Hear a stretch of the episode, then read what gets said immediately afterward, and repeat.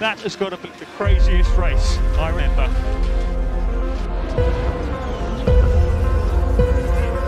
It's lights out and away we go. Yes, it's pole position.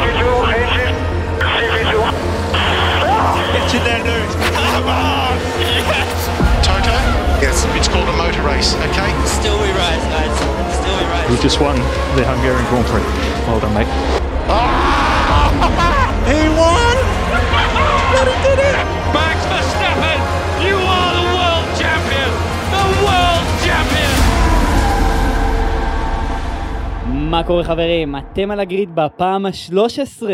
מה קורה אוריאל? מה נשמע, עמית? תשמע, מרוץ שני לעונה. עונה שנייה של הגריד. מה יכול להיות יותר טוב מזה? אה, לא, לא הרבה דברים, אבל אני חושב שאם יש משהו שמתקרב לזה, שמגרד את זה, זה המפגש, היה לנו מפגש צפייה, סדר גודל של מה, 160 איש היו שם, משהו כזה? 160 איש מח- בתל אביב, מ- רמה מטורפת. כן, הייתה אווירה חשמל, כמו שאנחנו אומרים. באמת היה תענוג לראות אתכם שם יחד איתנו, ואנחנו בטוחים שיהיה לנו עוד מלא הזדמנויות כאלה במהלך העונה, וכמובן שאתם מוזמנים, כל מי שמקשיב לנו, גם אם אתם חברים בקבוצה שלנו וגם אם לא. ואם לא, אז זה הזמן להיכנס. היה לנו כל כך מרוץ טוב, שהרגשנו את הקהל הישראלי, וזה זה כבר אומר שיהיה לנו גם פרק טוב. נקווה, טוב, זה, זה כבר משהו אחר. אה, טוב, טוב, נתחיל? יאללה, נתחיל, אז ככה, אנחנו מדברים על המרוץ של ג'דה. תוצאות המרוץ הם מקס ורסטאפן, מקום ראשון, לקלר, סיינס, פרז, ג'ורג' ראסל ואוקון. אחר כך מבחינת דירוג נהגים, אני מזכיר, אנחנו במרוץ שני לעונה, לקלר במקום הראשון, סיינס ואחר כך פרז. מבחינת דירוג יצרנים, אותו דבר, אנחנו, להזכיר, אנחנו בתחילתה של העונה, אז אה, פרארי מובילה במקום הראשון, מרצדס ואז רדבול. מכאן אנחנו עוברים לדירוג. מה היה לנו בדירוג, אוריאל? תשמע, אה, אולי נחלק את זה באמת לשלושת המקצים, 1, 2 ו-3. ב-Q1, שזה המקצה הדירוג הראשון, היה אירוע באמת, שנים לא ראינו דבר כזה. המילטון מודח מ-Q1 ממקצה הדירוג הראשון. הסיבה להדחה שלו הייתה פשוט, מרצדס ניסתה איזשהו setup ניסיוני במכונית. שוב, למרצדס יש המון בעיות, אנחנו חלקן הזכרנו בעבר, חלקן נזכיר גם בפרק הזה, אבל ה setup הזה פשוט לא עובד להם. הוא לא עובד להם, זה היה ניסיון של הרגע האחרון להשיג איזשהו איזון טוב, והמילטון מוצא עצמו מודח ב-Q1. אה, אתה יודע, מה שנקרא בזכות, בזכות הקצב שלו, ולא ב, לא ב, בגלל איזושהי תקלה טכנית כזו או אחרת.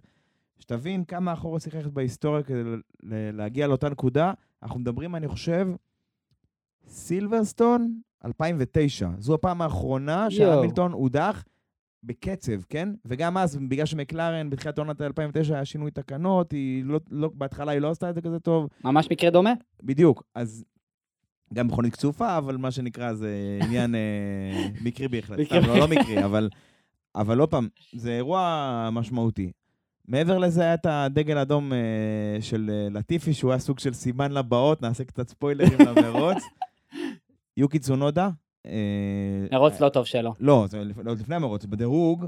ב- כל הסופה שהיה לו על זהו, הפנים. היה לו, היה לו קצת לא, לא, לא מוצלח, היה לו תקלה, אה, אני חושב נזילה במערכת הקירור לדעתי, ובגלל זה הוא לא השתתף במקצה, ואולי, שוב, אה, כמו שאמרנו, האירוע המרכזי כאן זה שהמילטון מודח במקצה הזה, ועוד מי הדיח אותו? לאנס סטרול, על כלום, על מה שנקרא, על קוצו של יוד, על כמה אלפיות. כן? ואנחנו לא מדברים על זה שאסטון מרטין הם בעונה טובה. הם- בדיוק, אז אני אומר, לא רק, ש, לא רק שקבוצה שהיא לא נמצאת במצב הכי מזהיר, גם הנהג שהוא בסדר, יחסית, אה, אולי לא, לא, כנראה לא אחד הטובים ב grid, גם מדיח את המילטון. טוב, משם בואו נמשיך ל- למקצה השני. כן, במקצה השני היה לנו תאונה מחרידה. דגל אדום, מיק שומאחר אה, נכנס לסקטור הראשון, קצב טוב. הוא מאבד את הזנב שלו ב- ב- בעצם בקרב של הפנייה מספר 10, ועף ישירות אל הקיר, משהו כמו 33G. כן, תשמע, אה, זה, זה חתיכת תאונה, וגם בהתחלה לא הראו בדיוק, אתה יודע, לא היינו בטוחים, ואני אגיד לך יותר מזה, להאס לא היה קשר איתו בתחילת דרך. הם היו ניז- ניזונים מה, מהמרשלים ב, על גבי המסלול, ועוד פעם, המכונית כאילו סוג של נק, נקרעה לגזרים. עכשיו, יש פה איזושהי נקודה שצריך לציין אותה, שגם הופיעה במהלך השידור. כחלק מהשינוי תקנות ב-2022, הם עשו חיזוק לשלדה כלקח מהמסקנות מהתאונה של גרוז'אן, רומן גרוז'אן בבחריין 20, אם מי שזוכר, הרכב עלה באש, והמנוע התנתק מה, מהשלדה וכן הלאה וכן הלאה. אז השינוי שעשו הוא כדי לעודד את הכשל, שהכשל יהיה ב, בנקודת החיבור בין המנוע לבין השלדה, איפה שהנהג יושב. מה עומד מאחורי זה? שכל הרכיבים סביב, המ... סביב הנהג יש כל מיני אמצעי בטיחות כאלה ואחרים, שכל המטרה שלהם שבתאונה בעוצמה מאוד מאוד גבוהה, הם יספגו את, מ... את מירב האנרגיה, יתפרקו כל דבר שיקרה להם, והנהג שיושב בתוך המושב שלו יישאר אה, בריא ושלם. עכשיו, מה שמעניין פה, מה שקרה פה זה משהו אחר. כמו שאמרתי, הם חיזקו את, ה, את השלדה כדי שזה, ית, שזה יתנתק באופן מכוון בין המנוע לבין השלדה. אבל מה קרה פה? זה התנתק בנקודה אחרת בכלל. ממש לגמרי. זאת אומרת, תיבת ההילוכים, שזה החלק האחורי ביותר, כן. פשוט נקרע מהמקום. עכשיו, מה שנקרא, זה לא, לא תוכנן, אבל זה, זה יצא בסדר, כי בסוף, בזכות התאונה הזו, שהנזק שלה נאמד במיליון דולר, שזה, תשמע, זה לא. בעונה של הגבלה תקציבית, זה לא עניין של מה בכך, בזכות האמצעי הבטיחות האלה, אנחנו רואים שלמרות תאונה כזו קשה, שום אחר בסוף יצא, עשה לשם בדיקות, אה, אתה יודע מה שנקרא, ליד ביטחון, לראות שאין איזה שהם שברים פנימיים או כל מיני דברים כאלה. בסופו של דבר הוא בסדר, ואנחנו, אתה יודע, חייבים את הבטיחות הזאת, אה, וזו מגמה חיובית ואני מקווה שהיא תימשך. אני שמח שזה מוכיח את עצמו. לגמרי. ונקודה אחרונה לגבי זה, גם העלאה במשק... במשקל הזו, שהיא תוצר של אותם חיזוקים שנוספו לשלדה, זה גם נקודה השנה. כי הרבה קבוצות, פרט לאלפה רומאו לדעתי, כל הקבוצות נמצאות מעל המשקל המותר של המכונית, שגם אותו העלו בשלושה קילו, זה 798 קילוגרם. כמעט כל הקבוצות נמצאות מעל, ה... מעל ה... בעצם הרף המותר הזה, וזה פוגע בביצועים שלהם. בסוף, יש שמועות על כל מיני קבוצות שהן מתכננות כבר לה, להביא כל מיני עדכונים כאלה ואחרים שיורידו קילוגרמים של קילוגרמים, וזה שווה בקלות 2-3 עשיריות, כל איזה 7-8 קילוגרם כאלה, יש לזה הרבה משמעות. ואני מניח שיהיה לזה משמעות גם בהמשך העונה. אני בוא- כצופה, מוזר לי שהיחס הוא הפוך, שמתי שאתה מעלה את משקל הרכב, הרכב יותר בטוח. אז זהו, אז בשביל... זו שאלה מצוינת, דרך אגב, או תהייה, יותר נכון, אבל בסוף אנחנו מדברים פה, צריך שמשהו יספוג את ה... יש איזשהו תווך מסוים, בסדר? שיספוג את האנרגיה הזו. עכשיו, אתה יכול לעשות את זה עם יותר קרבון, יותר, זאת אומרת, יותר שכבות של חומר, או פשוט לחזק אזורים מסוימים, או להחליש אזורים מסוימים. כאילו, להחליש, זה הכוונה לשים, אה, במקום שחלק יהיה מחובר, אז נגיד, לנסות לחבר באזור הזה עם ברגים או דברים כאלה, ואז אתה... ואז נקודת הכשל בעצם צפויה אה, לנוע לשם, אם אפשר להגיד את זה בצורה כזאת. שם יהיה ריכוז מאמצים אה, גדול במיוחד. אז עוד פעם, אז כדי, ל, כדי לחזק את השלדה, גם כדי להגן על הנהג, היו צריכים להוסיף חומר. החומר הזה, הוא מגיע עם מחיר, עם משקל, מעבר למחיר, כמובן, הכספי שצריך כן. על זה, אבל המחיר המשקלי נותן את אותותיו, אין מה לעשות. אבל עוד פעם, אם זה אומר שהקבוצות יצטרכו עכשיו להיות באיזה מרוץ חימוש כזה, להוריד משקל, אבל זה אומר שהמכוניות בטוחות, שהנהגים מתאונה כזו שלפני כמה שנים היה יוצא משם, אה, לא רוצה להגיד אה, עם איזה נזקים, אם לא נכה או משהו כזה, אז לפחות עכשיו בינתיים יצא כאילו מה שנקרא כמו כלום, זה שווה את המחיר, עם כל הכבוד. מסכים איתך. משם אנחנו ממשיכים למקצה שלוש. אה, למרות הכל, למרות האימונים המדהימים של פרארי, למרות הדירוג הטוב מאוד עד Q3, פרארי לא לקחו את הפול. פרז פשוט הצליח להביא שם איזושהי הקפה פנומנלית. באמת, רמה מטורפת, והוא לוקח את הפול. משהו לא הגיוני. אני חושב שהוא, איך הוא הגדיר את ההקפה הזאת? אתה זוכר? אם הוא יעשה מיליון הקפות כאלו, הוא לא יצליח להגיע לאותה הקפה. זהו, אחת לאלף, או אחת ל... אתה יודע, אחת ל... משהו הסתדר לו, הכוכבים הסתדרו לו באותו... ממש. זה לא... זה באמת הייתה הקפה יוצאת דופן. ולראיה, אף אחד לא שם את פרס בתחרות הניחושים שלנו בקבוצה. איזה באסה, הפסדתם כאן ג'קפוט. מה זה ג'קפוט? יכולתם להביא את המכה, לפרוש אחרי הדבר כזה. תשמע, אמרת בצדק שפרארי בסופש מאוד חזק היו. ראו את זה באימונים. עוד פעם, האמת שלא לא במאה אחוז ל... ל... לסיינס הייתה קצת קופצנות, דברים כאלה, אבל שוב, הם ניסו כל מיני תצורות של הרצפה, בסוף מצאו איזושהי צורה שעבדה להם, ושניהם היו סך הכל מהירים, נכון? כן. אה, ככה, בשביל לסכם את הדירוג, אז, אז אה, אלפין בעצם הצליחו להגיע, אה, בוא נגיד, מיצו את הפוטנציאל שלהם בסופש, חמישי ושביעי, וראסל הצליח לפצל אותם ומזנק מהמקום השישי.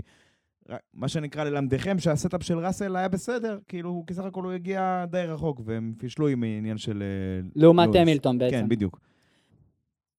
טוב, מכאן אנחנו הולכים אה, לזינוק, אפילו לפני הזינוק. היה לנו מקרה שכבר אה, ב formation רכב נפל לנו, יוקי צנודה, מה היה שם אוריאל? הוא פשוט אה, הכנע את הרכב. זהו, אמרו לו, אמרו לו לעצור את המכונית. אני חושב שזו הייתה תקלות מנ- מנוע. אני לא שמעתי איזושהי התייחסות, בחלוף זמן מהמרוץ, לא שמעתי איזושהי התייחסות רשמית למה בדיוק הייתה התקלה. אבל אלפה טאורי, אה, לפחות בגזרת האמינות, מתחילה את העונה בצורה, על רגל שמאל, נגיד ככה. אה, טוב, מה, מה, מה היה לנו בזינוק? זינוק אה, פרז, כאמור, מה pole position, זינק מצוין, באמת, וואלה, בשנתיים האחרונות לא היה לו כזה זינוק, באמת. אה, לעומת כל הקללת אה, זינוקים שלו, הוא הצליח להביא כאן זינוק מצוין. לגמרי. ואז כאילו, בעצם הוא יוצא, מי זה היה אחריו? לקלר, וסיינס ניסה, אני חושב, מהחלק החיצוני, אה, להרוויח מקום, אבל לקלר שם דחק אותו, בסופו של דבר מי שמרוויח מזה זה ורסטאפן הוא הלך בחלק מהחלק הפנימי, ופשוט גנב לסיינס את המקום. זהו, אבל זה אוקיי, בדיוק, הרוויח, מה שנקרא. מסיטואציה. ואם יש לנו את גואניו ז'ו, או ז'ו גואניו, אני לא יודע, אתה יודע, כבר שמעתי אותם הופכים את זה כל הסופה, שאתה יודע, בכל זאת, אתה יודע, יש עניין של הגייה הנכונה, אני לא יודע בדיוק מה זה. הוא, היה לו את התקלה הזו באנטיסטול, התקלה הזו עם הקלט שהייתה עוד לש- פעם. לשתיהם, דרך אגב, גם לבוטס וגם לז'ו ב-? בבחריין, לא, בבחריין אה, הייתה כן. לשניהם, ופה הייתה רק לו, והוא מצא את עצמו שוב בסוף הגריד. למזלו של ז'ו, קודם כל הוא נהג טוב, אז בואו ניתן לו את הקרדיט הזה, וב', למזלו, המכונית שלהם מספיק טובה, אז הוא גם טיפס במהלך, ה... במהלך המרוץ. עכשיו, אה, א', מבאס לאלפא. כאילו, יש להם רכב טוב, והתקלות האלו בזינוקים זה מבאס, באמת מבאס לראות אותם. כן, עוד פעם, אבל... אז אה, כמו שאמרנו, בסוף הוא הצליח, מה שנקרא, לגשר על הפער, אבל uh, בסדר. טוב, בואו נמשיך אולי לאירוע, אחד האירועים המרכזיים שהמרוץ, אפשר להגיד ככה. זה היה ככה הקרב בין, אה, בין אה, אלונסו לבין אוקון, הקרב בין ה, של האלפינים, הקרב הפנימי של האלפינים.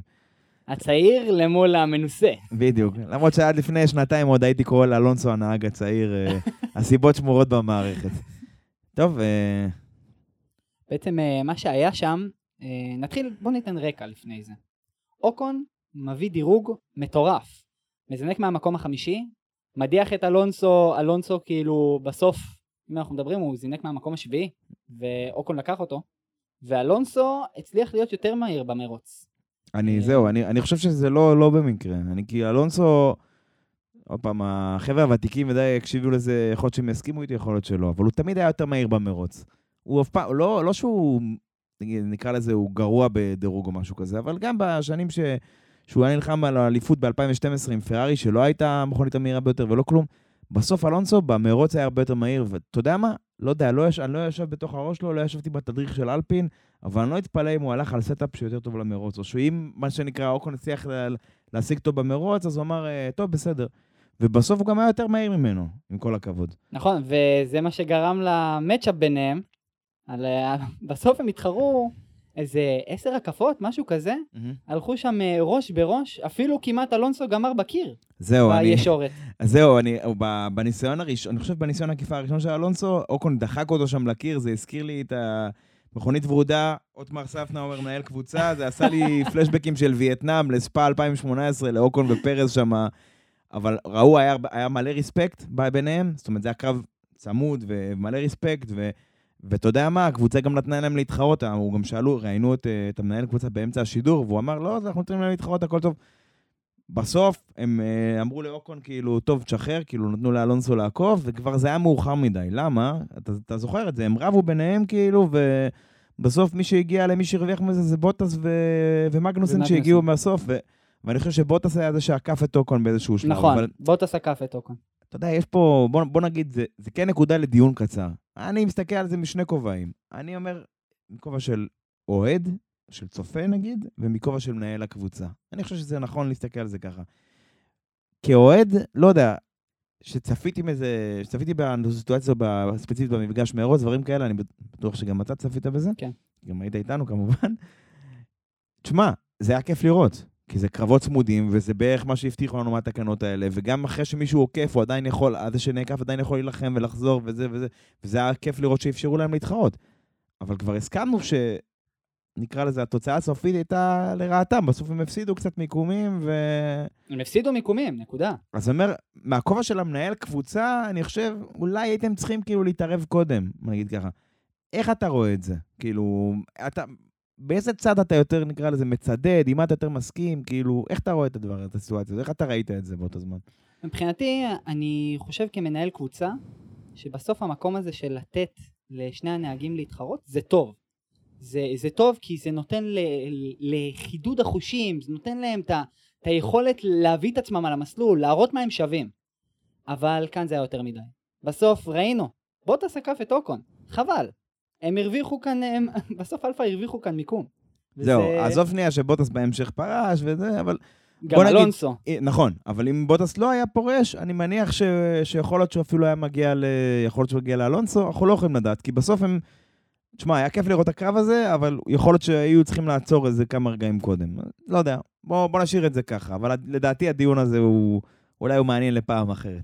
טוב, אז אני מעביר אותך עכשיו לתעלול שהיה לנו במרוץ הזה. תעלול, כן, הדמי, כן. עדיין.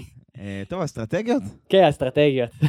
אמרת לי תעלול, ישר קפץ לי, אתה יודע, לא יודע מה, אה, תעלולים, אה, ישר חשבתי באסטרטגיות וזה. קיצור, בסוף, דיברנו קצת, קרב בין הוורודים פה קצת, אלונסו ואוקון, הפנתרים הוורודים, אבל אז הגיע העניין של האסטרטגיות, לא התייחסנו למי שהיה מלפנים. הרי פרס פתח את השתיים, מה הוא? שתיים... שתיים וחצי. וחצי, אני חושב, הוא פתח מ... מלקלר. נכון. על, על להגיד לך שהוא היה מנצח במרוץ, אני לא יודע. דרך אגב, האתר הרשמי של הספורט, הם הוציאו אה, כמו כזה גרפים כאלה, שהם הראו שהוא כנראה לא היה מנצח לפי הקצב שהיה לו, אבל עוד פעם, זה בדיעבד כולנו חכמים, אוקיי? כן, ברור. באותו רגע זה היה נראה שהוא בדרך אה, לא רעה לניצחון. טוב, אה, מגיע, מגיעים לחלון הקפות, אה, חלון העצירות, סליחה, הראשון, שזה היה בהקפה 15, לפי, לפי הנתונים שפירלי בעצם מפרסמים לפני כל מרוץ. המינימום של המינימום. של המינימום של המינימום. פרארי מודיעים לקלר, אדוני, תיכנס כדי, להצ... כדי מה שנקרא לעקוף, לנסות לעקוף ב... בעצירה. Pit to overtake. בדיוק. אה, ורדבול, אה, בעצם אה, פרארי מוציאים את המכונאים שלהם, ולקלר פשוט ממשיך. אה, מה שנקרא, רדבול בולים את הפיתיון ונכנסים לעצור. עכשיו, מה שנקרא, גם אם זה לא מכוון, למרות שזה מה שפרארי אמרו, גם אם זה היה בטעות וקלר רצה להישאר קצת בחוץ, יש היגיון בלהישאר בחוץ בזמן שה, שהיריב שלך נשאר, אה, בעצם עוצר. למה? זה מה שנקרא לעשות את האסטרטגיה ההפוכה. עכשיו בוא נחשוב שנייה, אני ואתה ביחד. נגיד שפרז מוביל, פרז מוביל במרוץ. אם פרז נכנס ואתה נכנס אחריו, נגיד שהצוותי פיט שלכם סופר סופר סופר מוכשרים. מה רוב הסיכויים שיקרה ביציאה מהפיט מבחינתך? מבחינתי, כן, נגיד ששניהם מוכשרים, מחליפים באותו זמן, נכנסים, יוצאים. מה נראה לך שיקרה? השארת את אותו מיקום. נכון? אלא אם כן יהיה איזה פשלה מטורפת בעצירה, לא יודע מה. אז כשאתה נמצא במקום השני, יש לך יותר ככה מרחב פעולה, אז אתה אומר, טוב, הוא יעשה את זה, אני אעשה הפוך, למה? אתה יכול להסתכן. בדיוק. אני, אני, מה שנקרא, אני אנסה לעשות לו אה, איזשהו overcut. בזמן שהוא עוצר, אני אקבע כמה הקפות מהירות, כדי לפתוח איזשהו פער מכובד, וכדי שאני צריך לעצור, אז אני עדיין אצא לפניו. זה מה שנקרא overcut בעולמות האסטרטגיה, אסטרטגיית מרוץ. בקיצור, קרה מה שקרה, פרז נכנס. להחלפה, לק- לקלר נשאר בחוץ, ופתאום, מה קרה? בום, טראח, לטיפי נמרח לקיר. משהו כזה. כמו מעשה בחמישה בלונים, רק שבמקום שהבלון יתפוצץ, זה הרכב של לטיפי וזה... זה. קיצור, לטיפי נכנס בקיר ומוציא את ה safety car. מה קורה מזה? פרז בסוף אה, נכנס להחליף גלגלים לפני ה safety car. לקלר מקבל כאן איזה free pit stop. בסוף מקבל החלפה של גלגלים בצורה שהיא מזכה את המיקום הראשון, ופרז אה, הידרדר לו למטה למקום הרביעי. אז זהו, אנחנו קוראים לזה free, pit... free pit stop לא כי היא באמת חינמית, לא היא עצירה חינמית, אלא בגלל שבזמן שלקלר, ורסטאפן וסיינס היו צריכים לעצור, אז כולם בעצם, נקרא לזה כפופים לנוהל של ה safety car ונוסעים אה, הרבה יותר לאט ממה שהם נוסעים בדרך כלל, ואז אתה כאילו, ההפסד שלך הוא לא כמו שתעצור בזמן שכולם קובעים הקפות תחרותיות. ומה שהיה לנו שם, היה לנו מקרה קצת עם אה, פרז וסיינס. פרז, נכון, החליף גלגלים לפני ה safety car, סיינס החליף בזמן ה safety car. וסיינס יוצא מרחבת הפיט, ופרז עוקף אותו בצורה לא חוקית. ושם אני רוצה לקחת אותך ללמה, ובעצם ההגדרה היא קו ה safety car. זה... מה זה אומר קו ה safety car ו... אז זהו, אז אה, מרגע שסיינס יוצא מהפיט, אז כמו שאמרנו, סיינס יצא מהפיט בצורה איטית, מן הסתם, כי הוא מוגבל למהירות מסוימת בפיט, נגיד 70-80 קמ"ש. שוב, זה משתנה. ממסלול למסלול, בהתאם לאורך של הפיט ומבנה ודברים כאלה. סיינס יוצא מהפיט בצורה איטית, פרז מגיע בצורה מהירה, כי הוא באמצע הקפה תחרותית. בינתיים אה, יש את הנוהל של ה safety car, אני לא זוכר אם זה היה safety car או virtual safety car באותו זמן, אני לא זוכר בדיוק, אבל, אבל זה לא משנה, כי מרגע שהנוהל הזה חל, מה שזה אומר, שהנהגים בעצם צריכים ל, להקטין את המהירות שלהם ולנסוע בזמן הקפה שהוא נמוך בהרבה, ולשמור על איזשהו הפרש כזה שמופיע להם על ההגה, אם הם עומדים בו או לא, שנמדד כל כמה מטרים, בסדר? עכשיו, מרגע שזה קרה, יש איזשהו, יש איזשהו קווים במסלול שנקראים קווי safety car. הראשון שחוצה אותם בעצם שומר על, על המיקום שלו. עכשיו, הוא זכאי לשמור על המיקום שלו מלפנים, ומאחר וסיינס חצה את הקו הזה ראשון, הוא היה זכאי לשמור אה, על המיקום שלו מלפני פרז. עכשיו, יש פה עוד איזושהי נקודה, אני לא זוכר אם הזכרת את זה קודם או לא. זאת אומרת, ברור שפרז היה צריך להחזיר לסיינס את המקום, ואנחנו מדברים על באמצע safety car, אוקיי? בזמן שהמכונית בחוץ ודברים כאלה. אבל השנה, הנהלת המרוץ החליטה שהיא לא מתערבת בקטע הזה. שנה שעברה, דבר כזה קורה, אה, לא יודע, הורנר או ג'ונתן ויטלי, שהוא הספורטינג דירקטור של רדבול, מקבל טלפון, שלום, ערב טוב אדוני, פרס צריך להחזיר את המקום לסיינס אה, בהקדם האפשרי. היה ולא החזרתם, שתדעו, זה המחיר שאתם משלמים על זה. כאילו, תבחרו להישאר, סבבה, אני אתן לכם את העונש הזה והזה והזה. נכון? אתה זוכר, גם היה את הרדיו הזה שכבר השנה אסור עם ה-FIA וכל זה. Oh. השנה הם החליטו שהם לא מתערבים. אנחנו ניתן לקבוצות לעשות את השיקול, השיקול דעתן, ומה שנקרא, אם הם יעשו משהו שהוא בניגוד לחוק, אז מי יענשו על זה. מתי פרז החזיר את המקום לסיינס? אחרי, אחרי הריסטארט, אחרי שבעצם ה... אחרי שמכונית הבטיחות אה, חזרה והמרוץ התחדש וכן הלאה וכן הלאה, רק אז הוא החזיר לו את המקום. אבל יש פה בעצם, יש פה בעייתיות מסוימת. אה, אני חושב שההפסד פה הוא כפול. אולי אתה, אולי אתה יכול להרחיב על זה, אבל אני חושב שההפסד הוא כפול בעצם, בגלל שהם החזירו את זה רק אז. אתה מבין למה הכוונה? אמ, אני, אני רואה את זה מהצד שלי, שברגע שהריסטארט אה, בעצם חזר, אמ, היו כאן שני פרארי, מקום ראשון ושלישי כביכול, אם אנחנו מדמיינים, ואז בעצם היה יותר קל לתקוף את ורסטאפן, שהיה במקום השני. יש כאן שתי פרארי שיכלו לעשות בעצם uh, מהלך עליו. Mm-hmm. אבל כאן בסוף uh, סיינס לא מקבל את המקום, הוא מקבל אותו רק אחרי ה restart. זה אומר שלא היה אפשר לעשות מהלך התקפי על הרד בול. ואתה יודע מה, אני אגיד לך יותר מזה, גם אם הם היו מחזירים את זה בזמן המכונית בטיחות, זאת אומרת, הם היו מזנקים במקומות שהם היו אמורים לזנק מהם, אז אני אגיד לך יותר מזה, אני חושב שלפרז הייתה הזדמנות לתקוף את סיינס. כי בשלב שבו הוא החזיר את המקום לסיינס, זה היה בצורה לא אידיאלית, הוא זז הצידה, נכון? במקום שהוא לא נכון. פחות טוב. זה בינתיים, uh, בינתיים uh, לקלר ורסטאפן, אתה יודע, ברחו להם קדימה. אז אני חושב שפרז, אתה יודע, גם לטובת המרוץ שלו, של לנסות להוציא תוצאה קצת יותר טובה, אולי אפילו להגיע לפודיום, או לך תדע, אולי להתחרות על הניצחון פעם נוספת, לא, לא יודע אם היו נותנים לו, זו שאלה אחרת כבר, אבל זה היה פחות אידיאלי גם מבחינתו. אני מסכים איתך, ממש ראינו שהפערים שנפתחו בין המובילים, אה, בעצם אה, לקלר וורסטאפן, לבין סיינס לפרס, היו ממש גדולים, ממש ממש גדולים. בדיוק. ומשם אנחנו מתחילים אה, לאבד מכוניות, הקפה 36-37, איבדנו שלושה, שלוש מכוניות. Mm-hmm. קראנו לזה מכוניות מתעכבות, מתחבות, סליחה. בוטס נופל לנו ריקרדו ואלונסו. אבל uh, יש לנו כאן שם, יש נקודה מאוד חשובה. בוטס uh, בסוף uh, חוזר לפיט, בעצם פורש ככה מהמסלול, ריקרדו לא מצליח להיכנס לפיט, הוא מדדה אל הכניסה לפיט ובסוף uh, סוגר את הפיט, הוא ממש עוצר על הכניסה. מה שזה גורם בעצם זה שבעצם המרשלים היו צריכים לעזור לריקרדו להוציא, לפנות בעצם את ריקרדו מהפיט כדי שמכוניות יוכלו לה, להמשיך בעצם להיכנס. הסיפור הוא שריקרדו בעצם המכונית שלו פונתה ואלונסו עם תקלה דומה גם מנסה להיכנס לפיט בדידוי ונתקע באותה נקודה שריקרדו נתקע. הבנתי, אז כאילו, אוקיי, אז בעצם הפיט היה סגור פעמיים, אתה אומר.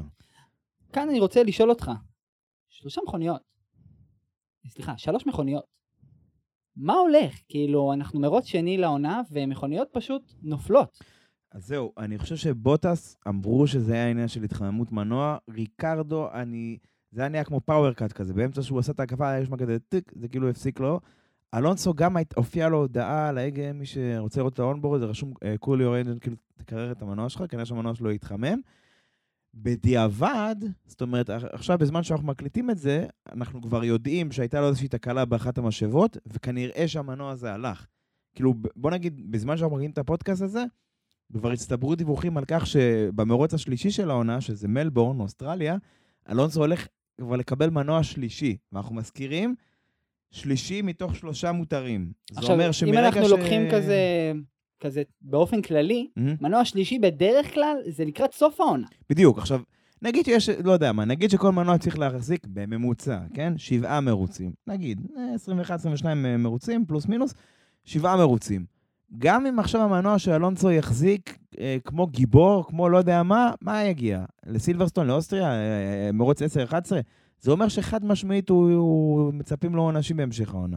אלא אם כן הצליחו להציל את אחד המנועים הראשון או השני, יכול להיות, לפעמים זה קורה. אני מקווה. אבל גם אם, אבל שוב, גם אם יצליחו להציל את הראשון, כמה כבר הסייקל הזה ימשיך? בסוף, כנראה הוא... רק התחלנו את העונה ולאלפין יש בעיית המיעוט אה, קשה. עכשיו, צריך לבוא להגיד, אני חושב שזה היה המנכ"ל של אלפין, לורן אה, רוסי, שהוא אמר שבתחילת העונה, שהשיקו את הרכב המכונית שלהם, הוא אמר ש... תשמע, אין לי בעיה. אני, מבחינת אמינות, אין לי בעיה שזה ייפגע, אני רוצה מקסימום ביצועים. לא מעניין. שמענו, יהיה, המכונית תהיה מהירה טיל, אבל שתפרוש בהקפה האחרונה, לא יודע מה. הוא לא התכוון ככה, הוא בטח לא אמר את זה, כן? כמו שאני אמרתי את זה. אבל הוא אומר, זאת אומרת, מבחינתו הוא רוצה את המקסימום שישחטו את המיץ מזה, אז בואו נראה כמה זה יעלה להם. טוב, בוא, בוא נחזור שנייה לג'דה, לפני שנפליג למחוזות אחרים. אמרת שהפיץ סגור. היו אה, כמה חבר'ה שסך הכל, אה, אני חושב, מי היה מגנוסן, הולקנברג, אבל הם עוד הספיקו לעצור מתישהו, אבל המילטון, המילטון לדעתי המילטון. הוא ככה... המילטון היה המפסיד הגדול מה, מהפיץ סגור.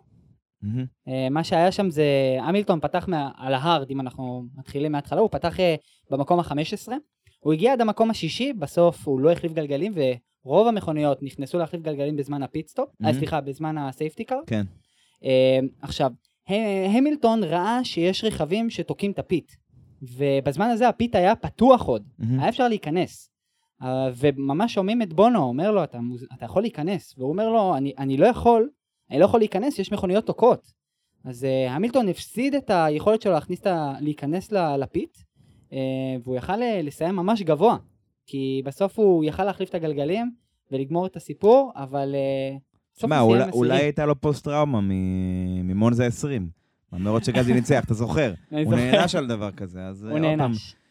עוד פעם, אני, זה, זה, אני לא יודע אם זה היה עצוב או מצחיק שהוא שאל אה, בסוף המרוץ שהאם מקבלים נקודה על המקום העשירי, אבל אה, שוב, הוא הרבה זמן לא היה במחוזות האלה. בדיוק, זה, זה מראה בסוף את הגדולה של המילטון. זה, עוד פעם, בוא נגיד שנייה שמבחינת קצב, אה, ראסל, שהיה פחות או יותר כל המרוץ פלוס מינוס במקום החמישי לבדו שם, פרט ל- לריסטארטים של ה safety car, המילטון הצליח לצ- לטפס מהסוף לא- לאותם מחוזות, והוא היה יותר מהיר מראסל, ועם setup לא, זאת אומרת, בסוף יש משמעות לניסיון שלו, אוקיי? אז אני. מאמין שברגע שהם יתייצבו, אה, יכול להיות שאפילו נראה, נראה אותם במקומות יותר טובים. טוב, אה, בואו אולי נלך לאירוע המרכזי השני שלנו במרוץ הזה, וזה בעצם המלחמה על הקרב על המקום הראשון בין אה, לקלר לוורסטאפן. הוא התחיל גם, הקרב הזה מתחיל בחזרה מה safety car לבין החזרה למרוץ. כרגיל, מקס מנסה תמיד לעמוד במקביל למוביל, כמו שעושה באבו דאבי 21, מנסה להפעיל איזשהו לחץ, מנסה לגרום למוביל לקחת קווים בפנייה אה, פחות אידיאליים. כדי... בקיצור, זה ניסה, לקלר עמד בניסיון הזה, אה, ואנחנו קיבלנו סדר גודל של עשר הקפות של קרב עד הסוף. שזה עד, היה... עד לצ'קן פלאג. כן, בדיוק, עד הצ'קרס פלגס, והיה היה מצוין. עכשיו, אני חושב שאפשר, כן אפשר לפרק את זה, אתה יודע, ל, לאירועים קטנים כאלה, אם היינו צריכים אה, לבוא להגדיר את זה, כן?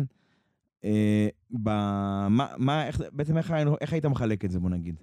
הייתי מתחיל בזה שמקס, בגלל אותה טעות, צריך לה- להקטין את הפער חזרה ללקלר. אה, אחרי שהוא מקטין את הפער, אה, התחלנו את משחקי ה-DRS. אה, ואשמח אם תיתן כזה הקדמה, למה היה משחק DRS, אה, ובעצם מה ההשלכות של זה. אז זהו, אז בוא נגיד שהיו אה, שלושה ניסיונות עקיפה, לצורך העניין, לא משנה מי של מי. בפעם הראשונה, מקס עוקף את אה, לקלר, ולקלר בעצם מקבל DRS ועוקף אותו בחזרה. איך זה קרה? יש לנו שני, שלושה אזורי DRS, אבל אנחנו נדבר על השניים האחרונים שנמצאים בקצה המסלול, אוקיי? אחד בסקטור השלישי, והשליש, והשני בפנייה האחרונה, האחרונה לפני הישורת ה start finish, הישורת הראשית, בסדר? עכשיו, DRS בקצרה, יש, יש, לו, יש לו אזורי גילוי. אם אנחנו, אני ואתה, נגיד אתה מוביל, אני מגיע אה, יחד איתך לאזור הגילוי. אם אני נמצא מתחת לפער של שנייה, אז אני זכאי באזור ה-DRS לפתוח בעצם את הכנף האחורית, וזה נותן לי איזשהו בוסט, איזשהו... איזושהי, נקרא לזה, כן, סוג של בוסט למהירות הסופית שלי בישורת. וזה מאפשר לי לנסות אה, להגיע למצב עקיפה. את העקיפה אני צריך לעשות בפועל, אוקיי? אבל זה יכול לעזור לי להגיע אליך בעצם למצב עקיפה. אוקיי, מה קרה בניסיון הראשון?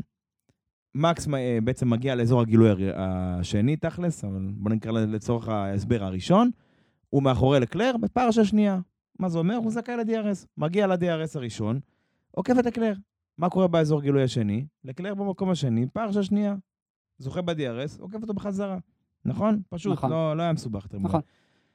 פעם שנייה, מקס קלע את הקטע, עכשיו לקלר עשה לו כבר את התרגיל הזה, ובחריין פעמיים עשה לו את זה, אז הוא אמר, אה, ככה? אין בעיה. בסדר. שניהם מגיעים, מגיעים לאזור גילוי הראשון, מקס מן הסתם אה, זכאי ל-DRS, מגיעים לאזור גילוי השני, אף אחד לא רוצה להיות ראשון. כי הרי מי שראשון, מי שראשון אה, בעצם היריב שלו, אה, נקרא לזה כך, יזכה במרכאות ב-DRS. כן. אז לקלר בעצם בולם, מקס בולם. עכשיו, מה שקרה זה שבעצם שניהם בלמו בצורה חריפה, מקס בלם בנעילת גלגלים. שוב, מקס היה באזור מלוכלך של המסלול, שיש בו פחות אחיזה ופחות גומי, שה... בעצם שה... שהנהגים, בגלל שהם נוסעים בקו המרוץ, משאירים שם הרבה גומי ויש שם יותר אחיזה. אז מקס נעל את הגלגלים, לקלר ניצל את זה, פתח פער ויצא קדימה, אוקיי? אז בעצם לקלר יצא קדימה, מקס מדדה. הוא גם דרטי, הוא גם נכנס לאזור המלוכלך, כן. וגם נעל גלגלים, זה אומר שיש לו פלאט ספוט. לא, לא, זה לא, זה לא היה פלאט ספוט, הבלימה לא, לא, אם היה לו פלאט ספוט הוא לא היה מצליח אה, לנצח, אבל הייתה הבלימה כאילו באזור פחות, אה, שיש קצת פחות אחיזה, אז הוא היה צריך להתאושש ולהשיג חזרה את לקלר. כן. במקרה, אה, במקרה השלישי, לקלר כבר התקשה וראו את זה שהוא טיפה זיגזג כזה, ב... לפני ה-DRS ול start finish, ושם מקס פשוט עקף אותו ואתה יודע, שמר על ההובלה. עכשיו, מקס מצליח לעקוף אותו, ובסופו של דבר היה, הייתה איזושהי תאונה שגרמה לדגל צהוב בסקטור הראשון, שמנעה מלקלר לנסוע שם מהר, כי שם יש סכנה, צריך לשמור על מהירות אה, ולהיזהר, וזה גרם לו לנסות להשיג את מקס רק בסקטורים השני והשלישי. אנחנו תכף נתייחס אליה, אבל הנקודה אולי האחרונה שחשובה כאן, יש שתי נקודות שרציתי להתייחס אליהן. הראשונה, השימוש ב-DRS ככלי טקטי, שזה מעניין. כי DRS בסוף אמרנו, אמנם זה משהו שהוא נולד אה, בחטא, כאילו נקרא לזה ככה, שהוא משהו שהוא ניסה לתת איזשהו אמצעי מלאכותי שיודד עקיפות, אבל פה אנחנו רואים את לקלר, ולא בפעם הראשונה העונה, מנסה לעשות בו שימוש טקטי, שזה מעניין. זה הנקודה הראשונה, והנקודה השנייה, זה ההבדל לסטאפ. פרארי גם הודו בזה שהם בחרו ב setup שהוא פחות אידיאלי. מה שקרה, רדבול מבחינת setup זה תמיד עניין של trade off, של אה, התפשרות. אני מרוויח פה ואני מפסיד פה, אוקיי? זה אין, אין, אין כאילו, מה שנקרא אין ארוחות חינם, אין 100%, אוקיי? אני מרוויח פה, מפסיד פה. אה, פרארי אמרו, אין בעיה, אני אפסיד בישורת, אבל יהיה לי יותר אה, ביצועים בפניות, יותר downforce, בעצם יותר כוח הצמדה, יהיה לי יותר ביצועים בפניות. רדבול אמרו, אתה יודע מה, אני מוכן להפסיד ביצועים בפניות, אני רוצה בישורת. עכשיו, תשמע, גם הטבלאות, אה, יש טבלאות כאלה של מהירות אה, סופית כזו, speed trap זה נקרא, גם בשבת, זאת אומרת, גם בדירוג וגם במרוץ, המכוניות שהובילו את הטבלה הזו זה רדבול.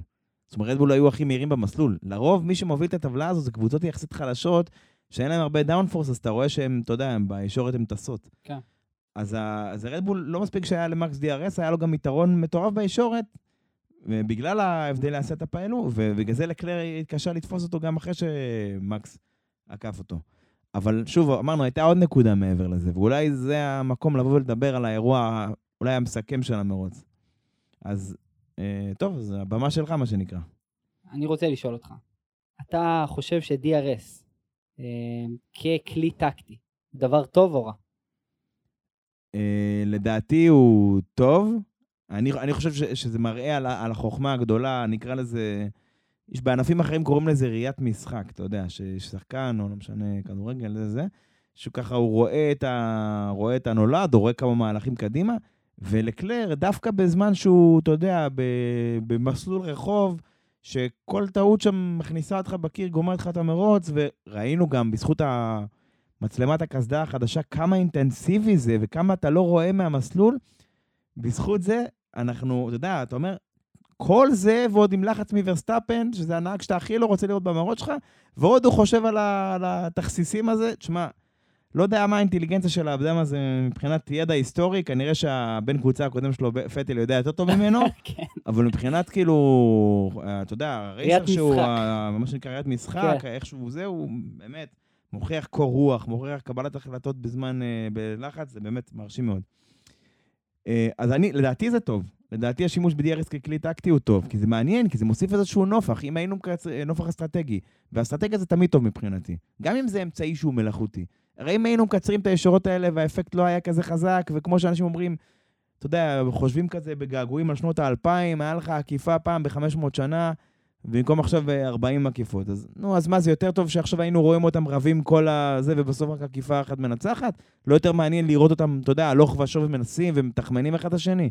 זה הרבה, זה הרבה יותר מרתק, וגם, אתה יודע, קודם כל, בוא נגיד עוד פעם, האווירה שהייתה בפאב, זה היה, כאילו, ב- ב- במהלכים האלה זה היה מטורף, כן? אבל שוב אני אומר, אני... זה, זה, זה, זה מה שנקרא, זה הנושא הזה, נסכם את הנושא הזה. בוא, בוא, בוא נלך רגע ל- לאירוע, כן. לאירוע המסכם של המרוץ בעצם, שזה התקרית שהייתה בין אלבון לסטרול. אז אה, דיברנו בעצם על כל המלחמה על המקום הראשון, אבל אה, ממש אה, בהקפה האחרונה, או אחת לפני הסוף, היה לנו מקרה של שניים שממש התחרו כל המסלול, כל, סליחה, כל המרוץ. אלבון וסטרול פתחו גרוע, מקומות בין האחרונים, ואלבון ניסה לעקוף ו- ולתפוס את סטרול במהלך כל המרוץ. והוא הגיע למהלך עקיפה, אה, ממש, אה, ממש אני מדבר על הקפה אחת או שתיים לפני הסוף, אה, ומה שקורה, סטרול סוגר לו את הדלת בפנייה הראשונה. אלבון במקום לעצור וכמובן לעשות איזה מהלך יותר נקי או לנסות לשמור על המיקום הקצר הזה, המרחקים הקצרים לקראת ההקפה הבאה ולעקוף בצורה יותר חכמה, הוא נכנס בסטרול, ממש ב dive bomb, אה, נכנס בו ישירות אה, ב side pod, וסטרול עף מגבולות המסלול, אלבון עם פאנצ'ר, אני חושב פנייה אחת או שתיים, הוא מדדה ופורש מה, מהמרוץ, זה גורם ל-DNF של אלבון, אבל אה, היה שם סקטור, בסוף היה שם דגל צהוב בגלל זה, בסקטור הראשון, וזה גרם גם לכל הבלגן עם, המ- עם המיקום אה, 1-2 ורסטאפן לקלר. זהו, ונגיד שבדיעבד אלבון נענש, ובמרוץ האוסטרלי הוא כבר יקבל אה, עונש מיקום של שלוש מקומות. לא יודע כמה זה ישנה לוויליאמס, כי הם לא כל כך חזקים אה, העונה בינתיים, אבל באופן כללי, מה שנקרא, השופטים מצאו שהוא אשם בתקרית. טוב, עוד משהו שהיה לנו על ה checkered flag, אה, ב start finish בישורת, אה, אוקון מקבל דז'ה וו, לנדו מנסה לעקוף אותו על ה start finish, משהו שהזכיר קצת, שנה שעברה, בוטס, אם אתה זוכר, בוטס אוקון, כן, רק שהפעם אוקון, הפעם אוקון, אה, מה שנקרא, ידו הייתה על עליונה, הוא סיים לפני לנדו. מזל, אה. בשבילו המזל. כן. אם, אם זה היה קורה, אז אה, תשמע, אני, אני חושב שאקון היה צריך לעשות איזשהו סיאנס בבית או איזה משהו אה, משהו לשדים. על- על טבעי, כן. תשמע, עוד פעם, לנדו בסוף סיים פי שבע, אני חושב. כן, פי שבע. יחסית למצב של מקלרן, זה לא יכולים לבקש יותר מזה. באמת שלא. חד משמעית. לסיים בניקוד, אחרי פתיחה כל כך גרועה של העונה, זהו, וזה לא שאנחנו מבטיח שהם יהיו חזקים יותר בהמשך, ואני חושב שדיברנו על זה לפני הפרק, שיכלו אפילו אופציה לניקוד כפול. נכון. שוב, בהנחה שריקרדו לא היה פורש, ואנחנו לא יכולים לדעת, זה אם ואם ואם, אבל מה שנקרא, יכלו לצאת פה עם הרבה ניקוד למרוץ שהם לא היו כאלה חזקים בו, באופן יחסי. אני מסכים, ותזכור איפה הם היו במרוץ הקודם. ו- וזה זה משמעותי. זהו, עוד פעם, יש להם מגמת שיפור, אבל יש להם עוד דרך ארוכה כן. העונה. זה לא, זה, זה לא, לא איפה שהם רוצים להיות, וזה לא איפה שהם יהיו גם בפעם הבאה. טוב, בוא נסכם. אני חושב שהיה לנו פתיחה יוצאת מן הכלל של העונה, שני מרוצים מטורפים. היה לנו קרב חזק על המקום הראשון והשני. אה, קרב בסוף אה, שיכול אה, להוביל אותנו גם לאליפות עצמה, לקלר וורסטאפן כמובן. לגמרי, ואם זה, זה יימשך כמו שזה התחיל, אני חושב שבאמת מצפה לנו קרב מטורף. אני לא יודע, שוב, יכול להיות שקבוצה מסוימת פתאום תברח עם האליפות באיזושהי צורה, אבל בינתיים זה נראה מעולה. אני מקווה, ונראה לי דיברת על זה כבר כמה פעמים, שעוד קבוצה אה, תדביק לפחות את הפער הזה, ונוכל לראות אפילו איזה קרב הרבה יותר אה, גדול על האליפות, וגם על, הניקוד, אתה יודע, על המקומות הראשונים. אז זהו, אני חושב שהדבר הנכון לעשות זה להגיד שמרצדס תהיה הקבוצה הזאת. השאלה כמה זמן ייקח להם, אף אחד לא רוצה לדעת, לא יודע, סליחה, אף אחד לא יודע, ותאמין לי שטוטו היה מת לדעת כמה זמן ייקח להם. אה, טוב, בוא, בוא נדבר שנייה על הקבוצה שלא כל כך הזכרנו, אלפה טאורי. אה, רק מכונית אחת, המכונית השנייה כאמור לא זינקה. אפשר לדבר כמה המכונית אחת תפקדה בהקפות האחרונות. זהו, ופייר גזלי גם אמר שהיה לו כאבים, משהו כל פעם שהוא פנה שמאלה, כאב לו שם איזשהו סיפור. הוא אומר, נכון. ההקפות הקשות בחיים שלו פחות או יותר. טוב, הוא גם סיים בניקוד, שזה עם כל הכאבים שהיו לו, זה גם הישג, בוא נגיד ככה. אה, ממש שמעתי את הרדיו שלו, שהוא מדבר כמובן עם המהנדס, והוא אומר שזה היה פשוט נוראי. היה לו ממש קשה בהקפות האחרונות. בסדר, בוא נקווה שעד אוסטרליה הוא, הוא יסתדר. טוב, בוא נגיע לפינה הכי חשובה של הפודקאסט הזה. הכי חשובה של הגריד. הטוב, הרע והמכוער. הפינה שבה אנחנו מחלקים את הפרסים של הגריד למי הטוב בינינו, מי הרע, ומי עדיף ש... שיש לו שיעורי בית לשבוע הבא. אז יאללה, נתחיל? בבקשה, מי היה הטוב שלך? אוקיי, הטוב שלי, חד משמעית, פרארי, מקום שני ושלישי, מראים, שמע, אה, אין לי מילים, פשוט אסטרטגיה טובה, נהגים מצוינים, מכונית יציבה, לכל אורך הסופש. כן. אין קבוצה שיכולה.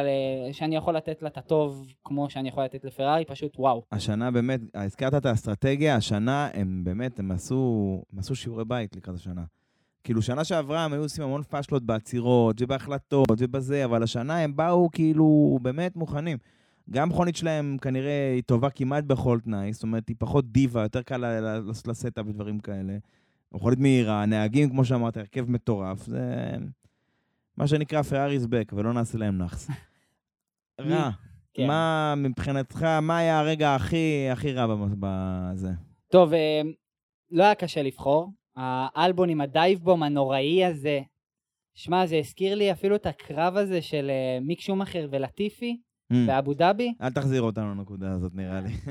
מיותר, מיותר, מיותר. אלבון יכל לפעול הרבה יותר חכם, לחכות 2-3 הקפות, לקחת את ה... בסוף את העקיפה הזאת הרבה יותר אה, ביתרון, ב start finish, ולסגור את הסיפור. הבנתי. כן, יכול להיות עוד פעם. טוב, אני, אני ברשותך כן רוצה להעניק לפחות את הפרס האחרון, אה, הפרס של המכוער שלנו. אה, הפעם, גם הפעם, אה, בדרך כלל אני מתלבט, אנחנו חושבים, מתייעצים, פה, שם, הפעם לא היה, זה, הסכמנו פה פה אחד שמי שצריך לזכות בזה, בפרס המאוד מכובד הזה, זה ניקולס לטיפי, אבל הוא לא לבד. הוא לא לבד, כן? זה ניקולס לטיפי והקיר, הזוג החמוד הזה, הם הזוכים של הפרס המכוער שלנו. אז מזל טוב, תבואו אחר כך ללובי, נעניק לכם את הפרס. טוב, אה, מכאן אנחנו ממשיכים להצצת המרוץ הבא. כן, אז אה, אוסטרליה, מלבורן, כמה שנים כבר לא היינו שם. וואו, כל כך הרבה זמן. זהו, מישהו זוכר את הפיאסקו של 2020? אה, עד עכשיו זה כואב לא, לי לא הדבר מזכירים, הזה. לא מזכירים את הדבר הזה. בקיצור, כן. אז מאז 2019 לא היינו שם, זה בעצם היה מרוץ הפתיחה של העונה, מאוד סמלי. עכשיו סוף סוף חוזרים לשם, וחוזרים למלבורן קצת אחרת. זה בעצם מסלול שבימים כתיקונם זה פארק, אוקיי? הוא לא משמש כמסלול, הוא מוסב לצורך המרוץ, אבל השנה הוא עבר אפילו הסבה נוספת. זאת אומרת, אני חושב שבחלק מהמקטעים זה 3, 4, 6, 7, אה, פנייה ראשונה והשנייה, ונראה לי 15 גם 16. זאת אומרת, יש איזה כמה פניות איטיות כאלה שבכולן אה, הרחיבו אותן מעט, הגדילו את הרדיוס שלהם, וזה יאפשר קצת, אולי לחלק מהנהגים לקחת קווים קצת אחרים, אולי אפילו לעודד איזשהו מהלך או שניים אה, לתוך הפנייה. טיפה מהירויות גם יותר גבוהות. נכון, אבל אני אומר, ספציפית לפניות האלה שהורחבו, זו, זו התקווה שזה יאפשר טיפה יותר מהלכים. כן. כי, כי הם, הם תמיד בסוף הזה יש שוט קצרה עם איזה בלימה, וזה יכול לתת איזושהי אפשרות. אבל באמת, אני חושב שהשינויים, שני השינויים הכי משמעותיים, זה 9-10, שזה היה עיכול, זה מה שנקרא שיקן. 9-10 היה, ש- היה עיכול, והיום הוא הפך לישורת, אה, העיכול הזה, ו-13-14, שזה גם היה פנייה ימינה כזאת 90 מעלות, והיא הפכה ל-V כזה. עכשיו, בשני המקרים, בישורת זה פשוט לאפשר לאנשים, הם יגיעו הרבה, יגיעו הרבה יותר מהר לפנייה מספר 11, זה יהפוך את המסלול למסלול המראה בערך. ובבנייה 13-14, ה-V הזה, על המעבר בין בעצם 90 מעלות, זווית ישרה כזו, ל-V הזה בעצם יאפשר אולי אה, גם בתום כל החלק המהיר הזה, לעשות, לעודד איזשהם עקיפות כאלה ואחרות. כי בסופו של דבר, אוסטרליה היה מרוץ הפתיחה של העונה כאמור, והוא לא, לא תמיד היו שם יותר מדי עקיפות, אז זה תקווה שזה טיפה ישדרג אותו מהבחינה הזאת. אז בואו נראה איך המכוניות החדשות, שאמורות לאפשר דווקא במצבים האלה טיפ-טיפה יותר אה, להיצמד אחת לשנייה, בואו נראה איך, איך זה יהיה במסלול הזה. מרגיש לי לאחרונה שאנחנו מגיעים לאיזה עידן כזה שכל המסלולים רוצים להיות הרבה יותר מהירים, עם פניות פחות טריקיות, שסקטורים שסק, שהם היו טכניים פתאום רוצים לעשות אותם טיפה יותר אה, אה, מהירים, ברצלונה style, אם אנחנו מדברים עכשיו אה, על, אוסטר... על, אוס... על אוסטרליה, גם אם אנחנו מזכירים את אה, אבו דאבי, כולם רוצים להפוך את הדבר הזה לטיפה יותר ידידותי למכוניות. תשמע, אבו דאבי השינוי היה מוצדק. בסוף השינוי שעשו באבו דאבי בשנה שעברה, עוד פעם, זה היה מכוניות שהיה קצת יותר קשה לעקוב בהן. אני... בוא נראה איך זה יהיה השנה שם, אבל בסוף השינוי הוא חיובי. כי, את, סליחה על הזה, אבל הפניות 90 מעלות האלה, שהרמן טילקה כל כך אוהב אותן, תשמע, ישור 90 מעלות, ישור 90 מעלות, זה טיפה משעמם, ואם כבר מסלולים שככה פחות מבריקים, אולי מבחינה שיווקית או מסחרית יהיה להם משמעות, אבל מבחינה תחרותית אנחנו, נכונו לנו לראות, זה אולי המסלול החדש שראינו בווגאס. שאתה יודע, כתוואי, התוואי לא מרתק שם, ודיברנו על זה גם ב live שהיה לנו בקבוצה, שאנחנו קראנו בשם המאוד אה, חביב סייד פודקאסט, תבואו, יהיה כיף. אה, ותשמע, יש מגמה ללכת למסלולים שיותר מסלולים רחוב, יותר מסלולים שמציגים את הערים שמארחות, פחות מסלולים שהם בכל ימות השנה מתפקדים כמסלול, וזה חבל. כי המסלולים שהם מסלולים קבועים, יש להם טיפה יותר אופי. פניות בזווית, עליות, ירידות, uh, פניות כאלה מפורסמות. כל הפניות הכי מפורסמות בסבב, ברובן, הן מגיעות במסלולים שהם כאילו מסלולים בכל ימות השנה. אה, איזה אוסטריה עם הפנייה הזו בעלייה, אה, סוזוקה כמובן, ה-130R, אה, אתה יודע מה? אפילו סינגפור, שהוא כאילו מסלול רחוב, הסלינג, שהוא גם, אה, הוא זה, אתה יודע, כל מיני פניות שאתה חושב עליהן שם איקוניות, ברובן, אולי חוץ מסינגפור, הם, כן, הם מסלולים שהם קבועים. או רוז' בספא, ברור, אבל זו לא המגמה שכרגע הנהלת הספורט אה, רוצה, היא רוצה כמה שיותר מרוצים, כי זה פשוט מגדיל את ההכנסה שלהם. זה בדיוק אה, גם מתחבר לשמועות לקראת ה-30 מרוצים לעונה הבאה. בדיוק, מה זה שמועות? מנ... נכון, המנכ"ל הוא אמר, זה פחות או יותר אמר, המנכ"ל של הספורט אמר, תשמע, זה הכיוון, זה... אנחנו מחפשים להגדיל, לא להקטין. טוב, נקודה אחרונה לאוסטרליה, מי שצפויה להביא שם עדכון, וזה מעניין ספציפית היא, כי בגלל שאם זה בקשיים כאלה ואחרים, זו מרצדס. עכשיו, לגבי הטיב של העדכון ומה המשמעות של זה, אנחנו עוד לא יודעים אם זה יהיה רצפה, או שזה יהיה כנף אחורית, או שיהיה זה, כי למרצדס יש כל מיני בעיות. בקצרה, העניין של הקופסנות הזו מונעת ממנה בעצם למצות הפוטנציאל של המכונית, היא צריכה להגביה אותה מאוד ביחס למתחרות שלה, וזה פוגע ביכולת הצמדה שלה. וב', כנראה שבגלל זה הם צריכים להשתמש בכנפיים קצת יותר עבות, ואז בשביל יותר הצמדה, אבל זה פוגע בהם כי זה מייצר יותר גרר, התנגדות עם האוויר. אז אני לא יודע אם שמועה שאומרת, חלק מהדיווחים שהם הביאו כנף אחורית שמייצרת פחות גרר, וגם רצפה יכול להיות שהיא גם אולי תאפשר להם לפתור חלק מהבעיה הזאת. לא יודע מי מהם בסוף תגיע, כי בסוף זה טיסה לאוסטרליה, אני לא יודע מה הם הספיקו לייצר, מה הם הספיקו לבדוק, אבל uh, בוא נראה. וגם שאר הקבוצות uh, מתכננות, לא יודע אם למלבורן, אבל יותר לאימולה, שזה תחילת הלג האירופי, כאילו שמשהו קצת יותר קרוב, יותר קל להביא דברים ולא צריך להטיס אותם במיוחד, אפשר ב... ב- בעצם תנועה יבשתית להשיג אותם. אז כנראה שבאימולה היו לא מעט. אה, קבוצות, אנחנו שמענו כל מיני שמועות, רדבול אולי עם איזה עדכון שיוריד להם כמה קילוגרמים טובים שהם חורגים מהם, ופרארי, וקיצור, יהיה שמח באימולה. טוב, הגענו לסיומו של הפרק שלנו, פרק 13, שדיברנו על המרוץ הסעודי.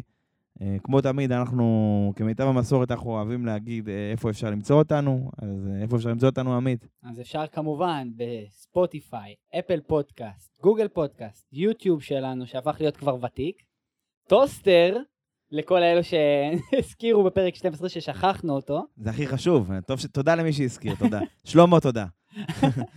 ואם אתה פותח כבר ככה תודות, אז מה עם חברנו?